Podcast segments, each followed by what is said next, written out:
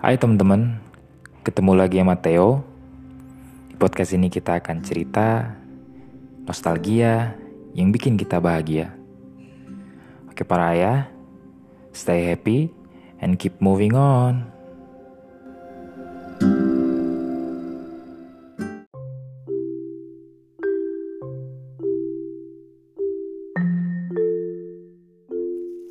Hai teman-teman, ketemu lagi di podcast saya Move On udah lumayan lama sampai kita ketemu lagi. Tapi kalau yang dengerin tiap hari nggak di saat rilisnya nggak lama juga ya. Mungkin lanjut justru dari setelah episode sebelumnya lanjut lagi ke episode yang sekarang.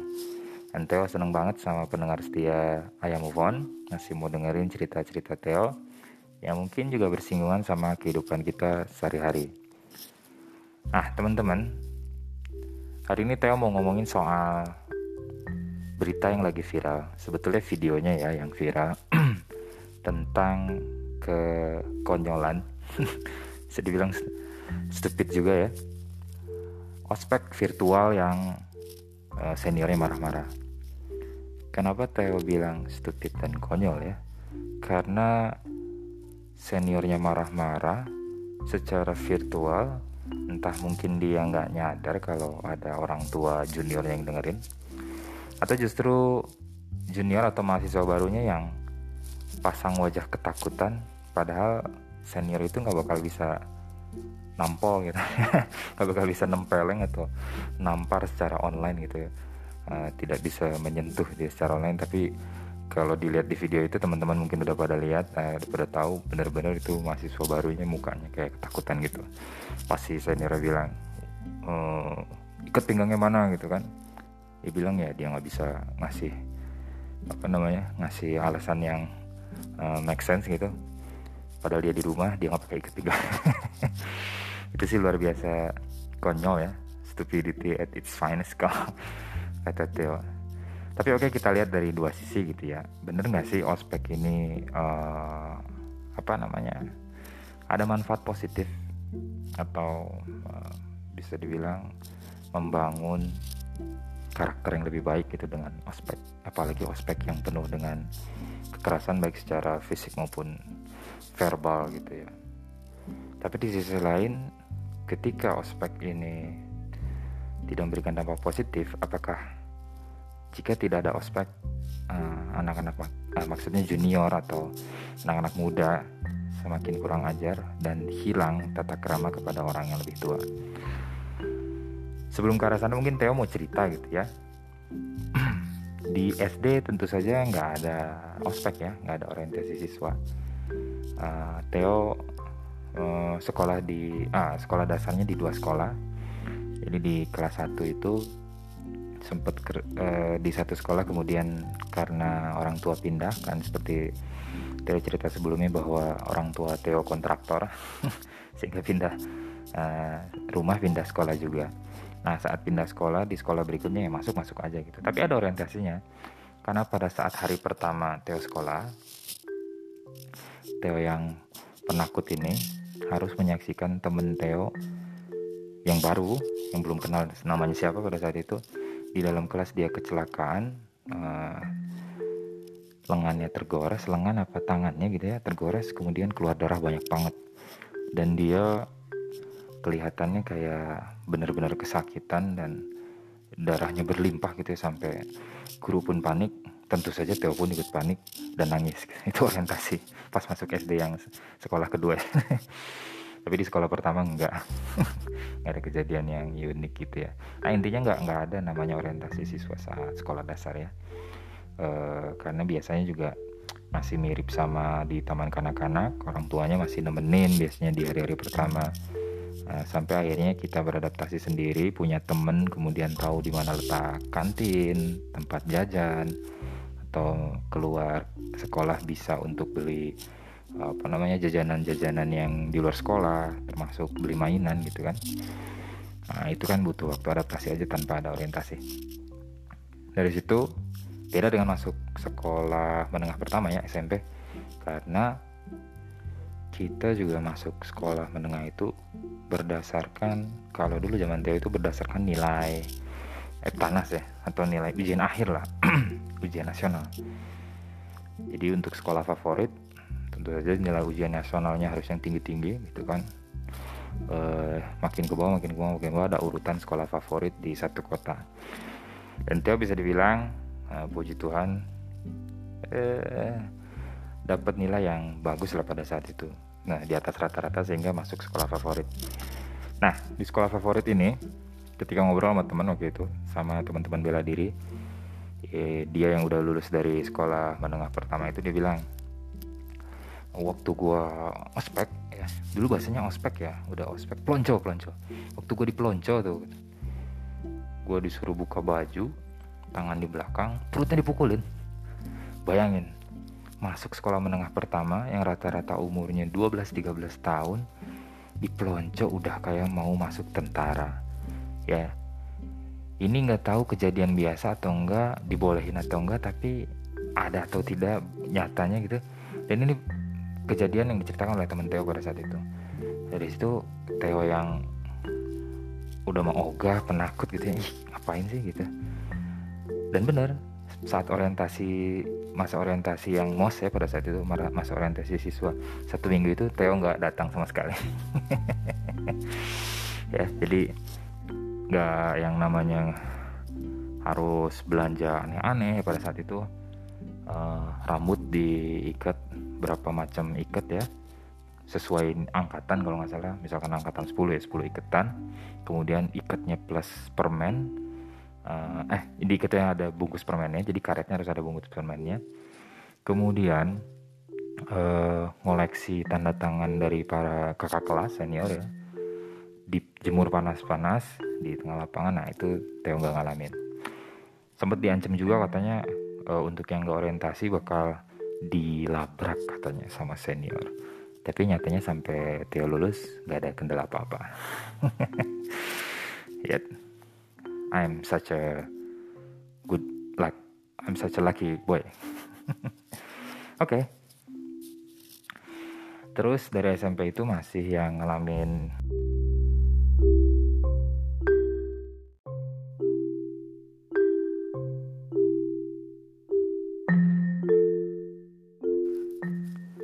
Eh teman-teman, sorry sangat tidak profesional banget.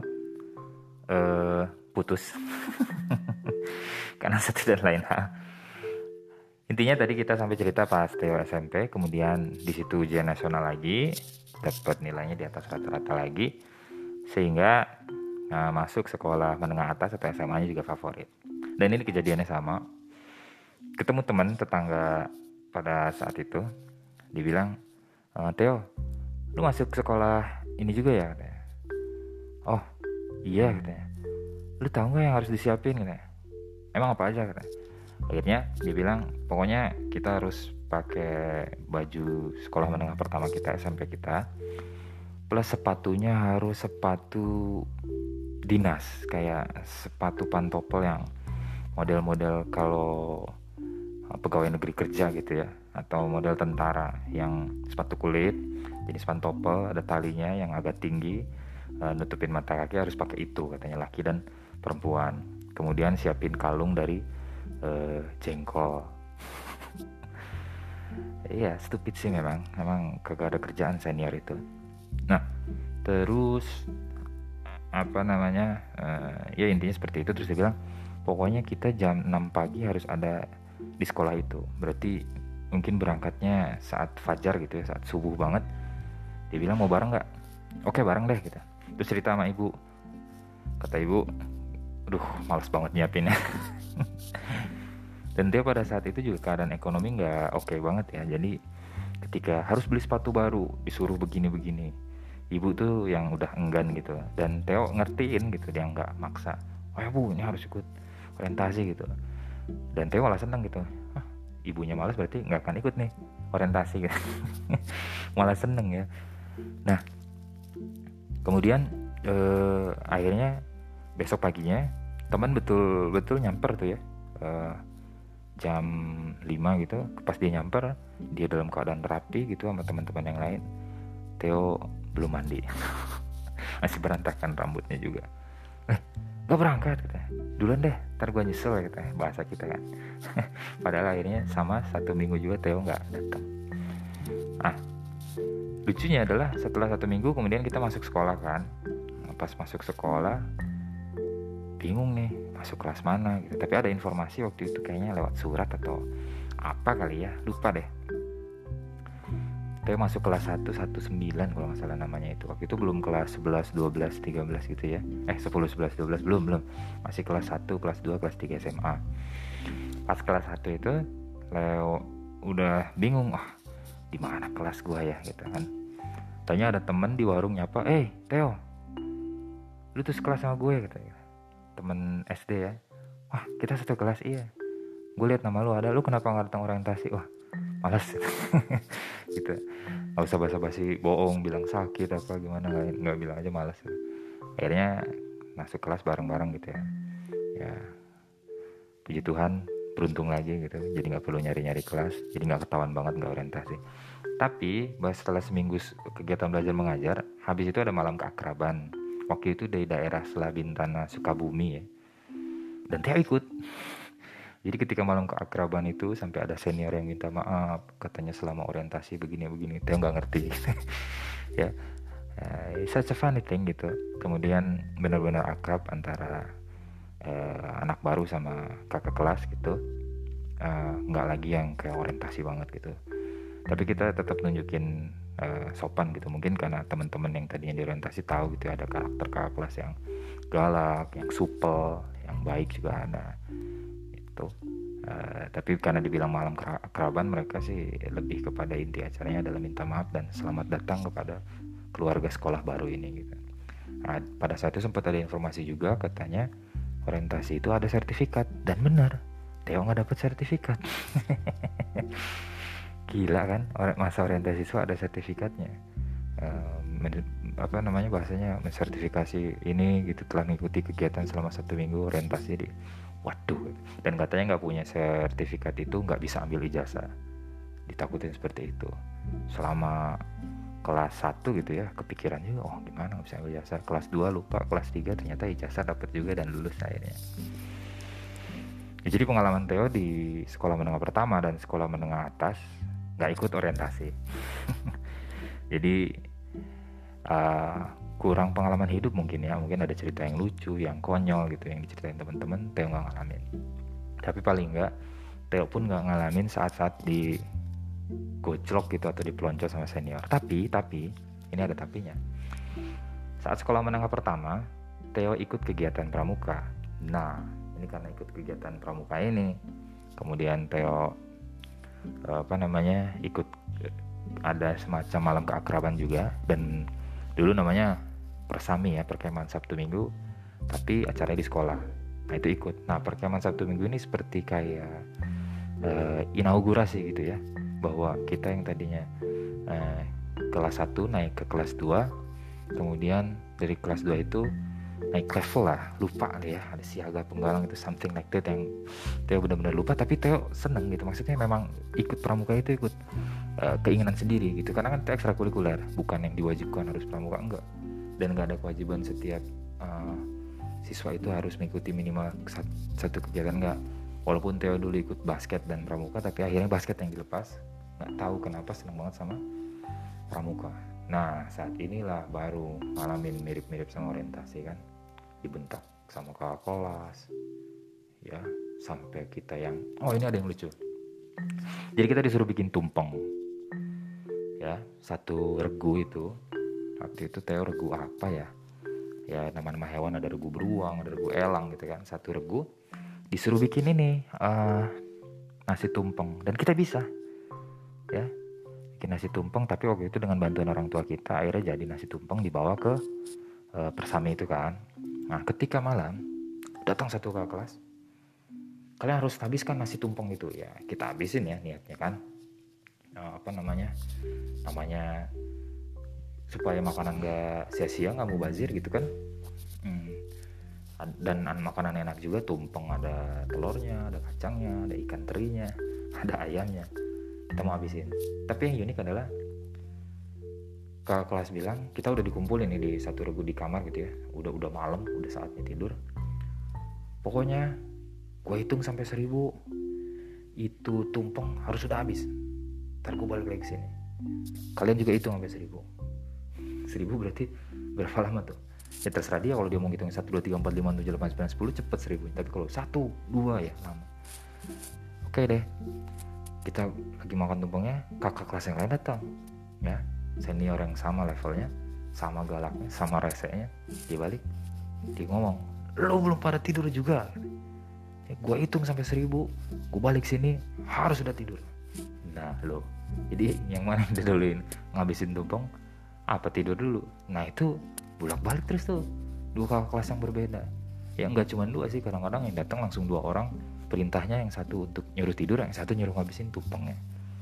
Nanti yang nyuruh tumpeng mana itu tumpengnya masih banyak pokoknya harus habis. Makanan nggak boleh mubazir nggak boleh sia-sia. Nah kayak gitu. Kemudian uh, balik lagi yang tadi kakak kelas yang lain. Masih belum tidur juga. Sisanya tinggal 100 lagi hitungannya gitu. Wala akhirnya kita betul-betul yang udah begitu kita makan habis-habisan. Uh, sisanya mungkin disempil-sempilin ada yang masukin ke bekal gitu kan. Baru kita tidur. Nah jadi dua-duanya diikutin. Tidur tuh. Gilanya lagi tidur ini Theo aduh ini ada aib Theo yang malu banget kalau diceritain.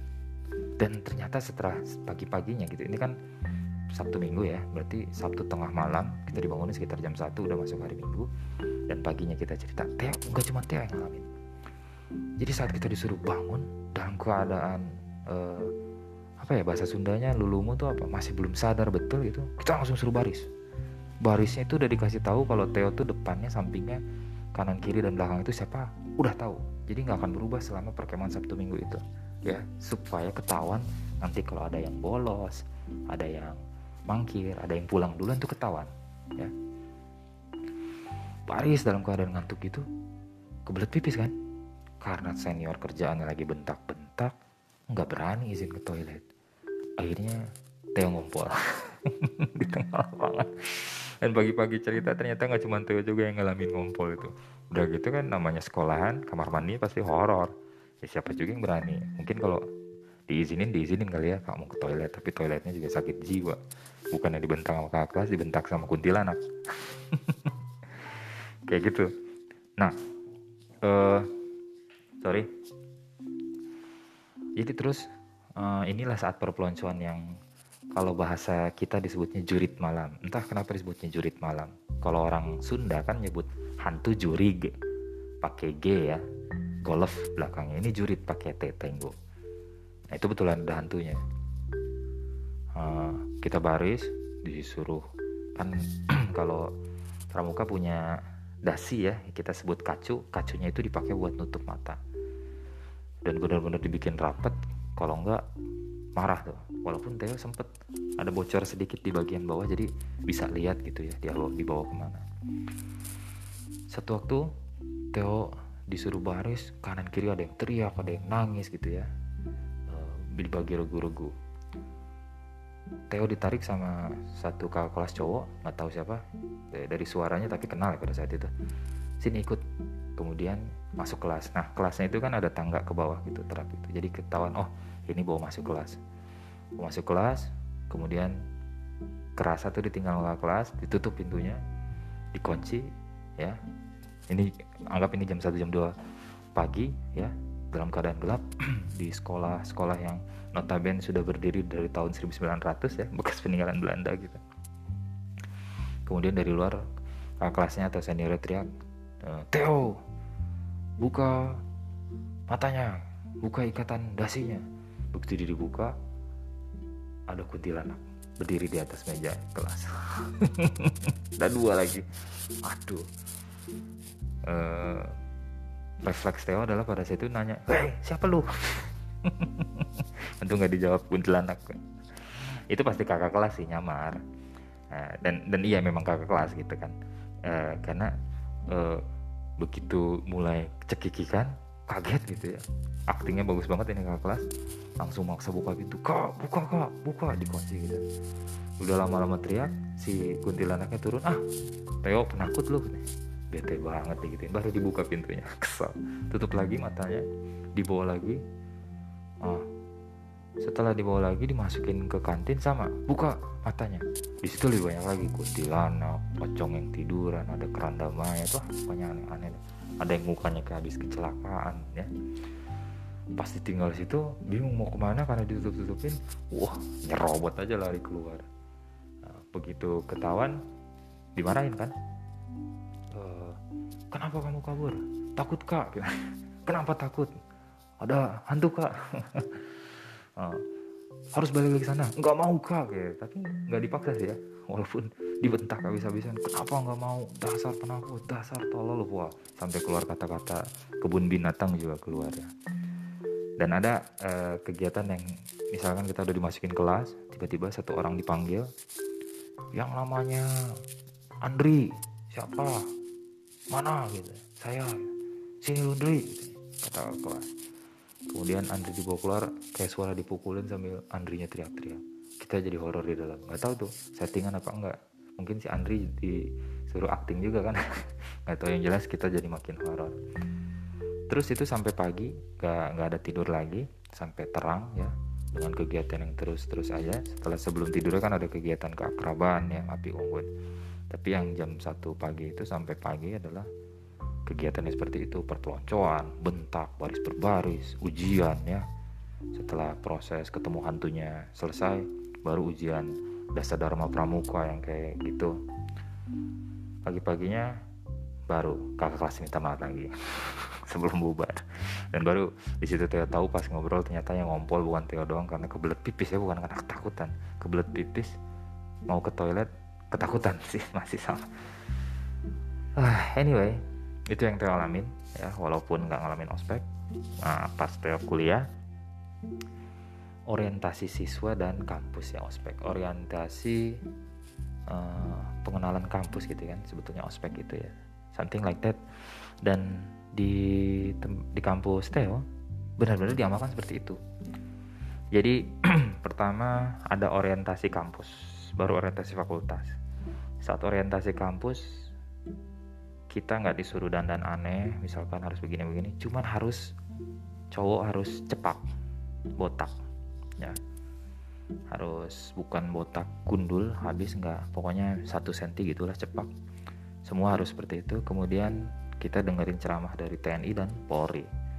Ya tentang bela negara dan lain-lain. Hari pertama kumpul di kampus. Hari kedua ditugaskan untuk hadir ke waktu itu ke eh, tempat latihan TNI itu apa ya disebutnya ya? Uh, batalion infanteri gitu ya. Nah, semacam seperti itu ya. Uh, kita datang. Waktu itu Theo telat. Nah karena telat ini maka disuruh lari dulu keliling. Theo lupa berapa keliling kemudian push up di depan teman-teman. Tapi nggak ada bahasa-bahasa kasar. Lebih kepada uh, kenapa bangun kenapa alasannya uh, telat kita bilang macet. Kenapa tidak menghindari macet? Kenapa tidak bangun lebih pagi gitu ya dan itu adalah punishment karena memang kita berbuat salah ya. Beda sama orientasi yang memang bahasa kasar kasar gitu ya tanpa kita nggak tahu kita salah apa gitu ya. Seperti kema apa yang masalah pramuka gitu ya ditakut takutin kemudian udah tahu takut malah dibentak gitu ya. Namanya ngelihat hantu gitu uh, anak SMP yang umurnya masih belasan tahun tahun gitu. Nah kalau ini enggak orientasinya adalah uh, betul-betul diajar kedisiplinan sejarah-sejarah tentang negara sehingga ada rasa bela negara gitu ya. Pendidikan bela negara pada saat itu. Itu untuk orientasi kampus. Kemudian orientasi kampus jika tidak salah hanya berlangsung tiga hari. Dari situ kemudian orientasi fakultas. Nah ini orientasi fakultas agak keras tapi betul-betul kerasnya itu adalah punishment terhadap orang yang gak nurut. Jadi bahkan ada angkatan kita mahasiswa baru cowok yang gondrong. Sedangkan harusnya kan uh, pada saat orientasi kampus saja harus botak gitu. Berarti dia tidak hadir di orientasi kampus. Kemudian disuruh baju putih eh kemeja putih celana hitam. Ada yang pakai celana merah rok merah. Nah, pikir sakit jiwa sih itu. Dan jadi make sense gitu yang dimarahin sama kakak kelas karena bener-bener rese gitu. Uh, ya mungkin nggak tahu ya kalau misalkan masalah baju bisa jadi dia nggak punya gitu. Tapi dari penampilan sih kayaknya bukan orang susah banget gitu lebih kepada orang-orang yang nggak nurut baik cowok maupun cewek. Dan yang bilang yang Theo bilang benar-benar orientasi sesuai gitu. Karena kita dibagi regu dan disuruh keliling ya. Ada yang mimpin bahwa ini kelas kalian ini gedung fakultas ini gedung fakultas ini ini ruang tata usaha nanti cara mengajukan uh, eh, SKS seperti ini mengajukan kredit perkuliahan seperti ini proses bayar pada saat itu seperti ini. Betul-betul diajarin seperti itu. Nggak ada bentak nggak ada perpeloncoan nggak ada pukul-pukulan ya. Walaupun fakultas lain ada disuruh jalan jongkok kemudian selama satu tahun tidak boleh pakai baju bebas harus pakai jaket fakultas ya. Tapi di fakultas Teo enggak. Fakultas ekonomi pada saat itu enggak. Bahkan di hari terakhir ini ada kegiatan yang lebih kepada bahwa bagaimana mahasiswa ini harus punya rasa idealisme nasionalisme seperti itu ya. Bahkan ada yang langsung direkrut untuk menjadi anggota himpunan anggota BEM gitu yang kelihatannya senang uh, menginikan aspirasi ya demonstrasi seperti itulah ya. Nah, kemudian ada bah apa namanya pendidikan agama pada saat itu.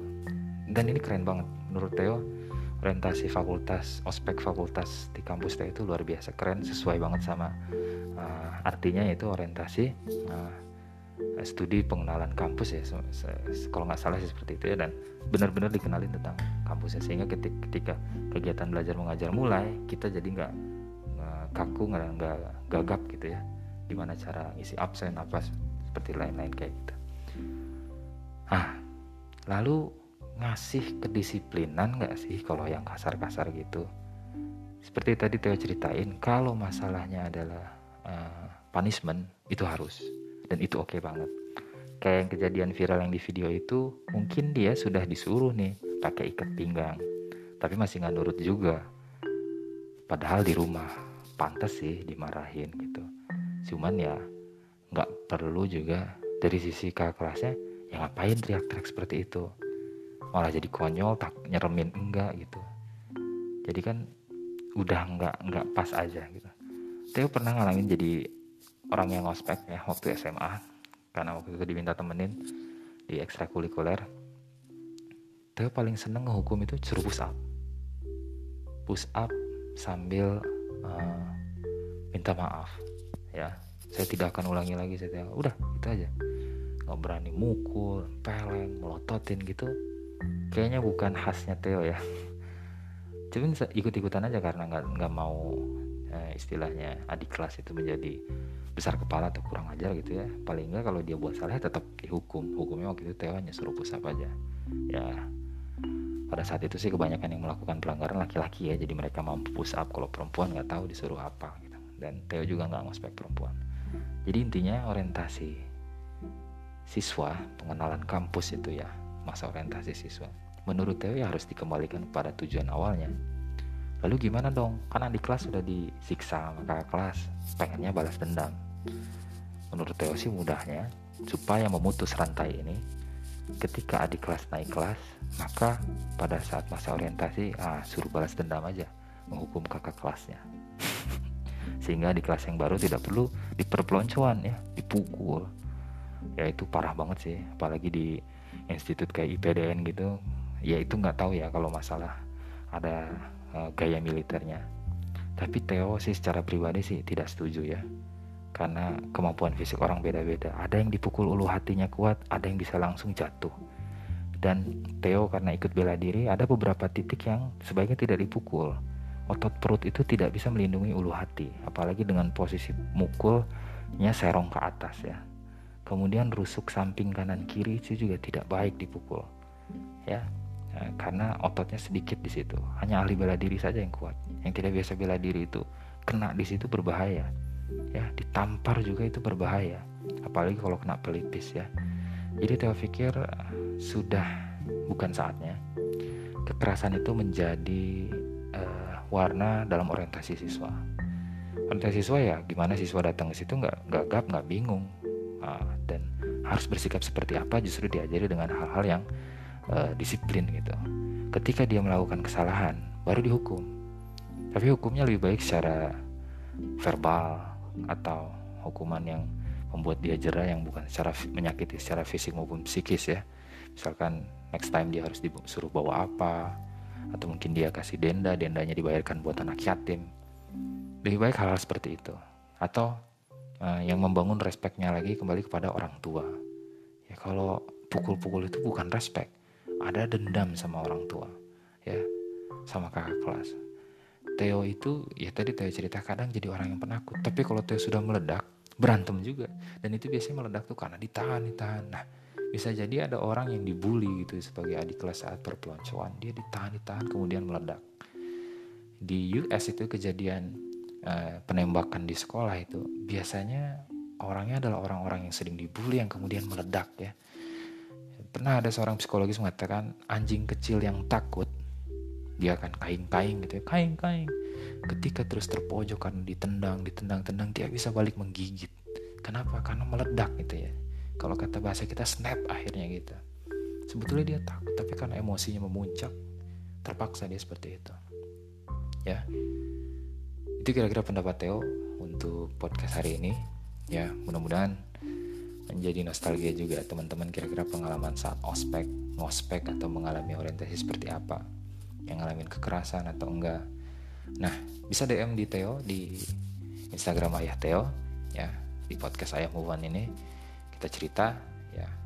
Dan Theo maunya bicara yang mudah-mudahan teman-teman senang juga. Kita sebisa mungkin bicaranya yang baik-baik gitu. walaupun di umur sekarang gitu ya kadang-kadang bisa lepas juga kalau kita mau bercanda atau seperti apa gitu ya tapi Theo punya prinsip kalau internet adalah tempat untuk bicara yang baik-baik karena kadang-kadang karena kita tidak ketemu dengan pengguna lain bisa jadi kita lepas kontrol jari kita ya mengetik yang terlalu kasar, keyboard warrior, dan itu terjadi di internet. Ya, dan bully secara tertulis di tempat publik sosial media itu efeknya juga mengerikan. Ya, nanti kita bahas lagi di kesempatan selanjutnya. Itu aja podcast hari ini tentang orientasi. Ya, oke para ayah, stay happy and keep moving on. thank you